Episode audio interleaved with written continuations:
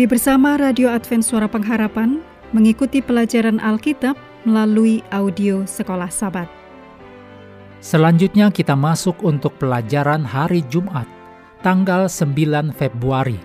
Ini merupakan bagian pendalaman.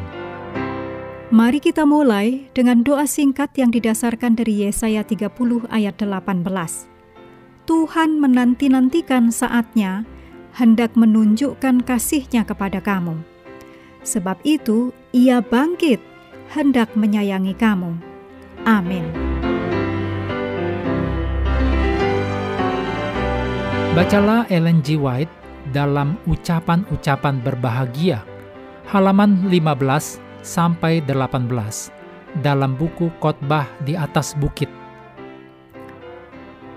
Kitab Mazmur adalah protes terhadap ketidakpedulian manusia terhadap ketidakadilan. Itu adalah menolak menerima kejahatan. Kitab Mazmur dimotivasi bukan oleh keinginan untuk balas dendam, melainkan oleh semangat untuk memuliakan nama Allah. Oleh karena itu, sepatutnya orang benar bersuka cita ketika mereka melihat pembalasan Tuhan atas kejahatan karena dengan cara ini nama Tuhan dan keadilannya dipulihkan di dunia. Ditulis dalam Mazmur 58 ayat 11 dan 12. Mazmur mewajibkan orang untuk mengangkat suara mereka melawan kejahatan dan mencari pemenuhan kedatangan kerajaan Allah. Dalam kitab Mazmur, kita diberikan jaminan akan penghiburan dan pembebasan ilahi. Tuhan akan bangkit. Berikut ini adalah kutipan dari Ellen G. White, Khotbah di atas bukit, halaman 43. Jika karena aku, kamu dicela dan dianiaya, kata Yesus, berbahagialah kamu. Dan dia tunjukkan kepada para pendengarnya para nabi yang telah berbicara dalam nama Tuhan sebagai teladan penderitaan dan kesabaran. Yakobus 5 ayat 10. Habel, orang Kristen pertama dari anak-anak Adam, mati syahid. Henok berjalan dengan Allah dan dunia tidak mengenalnya. Nuh diejek sebagai seorang fanatik dan seorang yang membuat gelisah.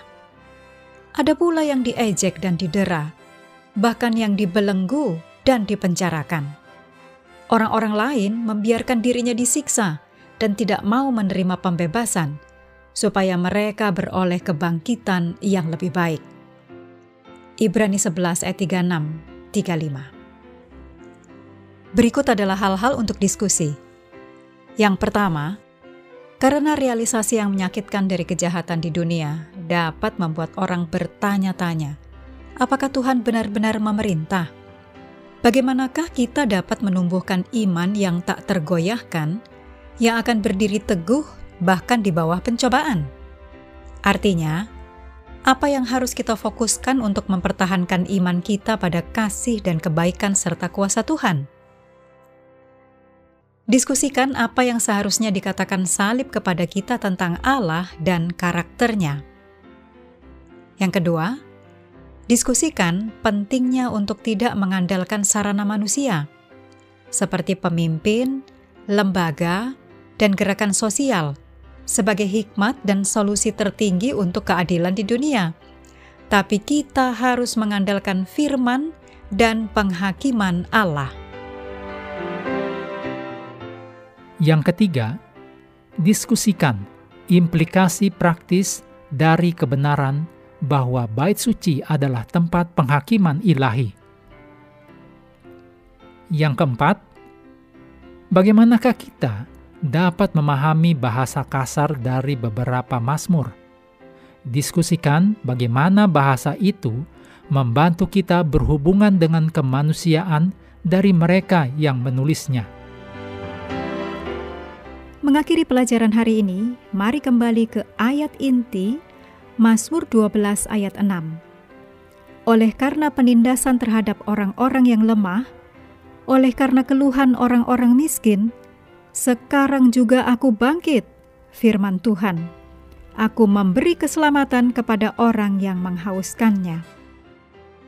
Kami terus mendorong Anda bersekutu dengan Tuhan setiap hari, bersama dengan seluruh anggota keluarga, baik melalui renungan harian, pelajaran sekolah sahabat, dan bacaan Alkitab sedunia, percayalah kepada nabi-nabinya, yang untuk hari ini melanjutkan dari Yeremia pasal 12.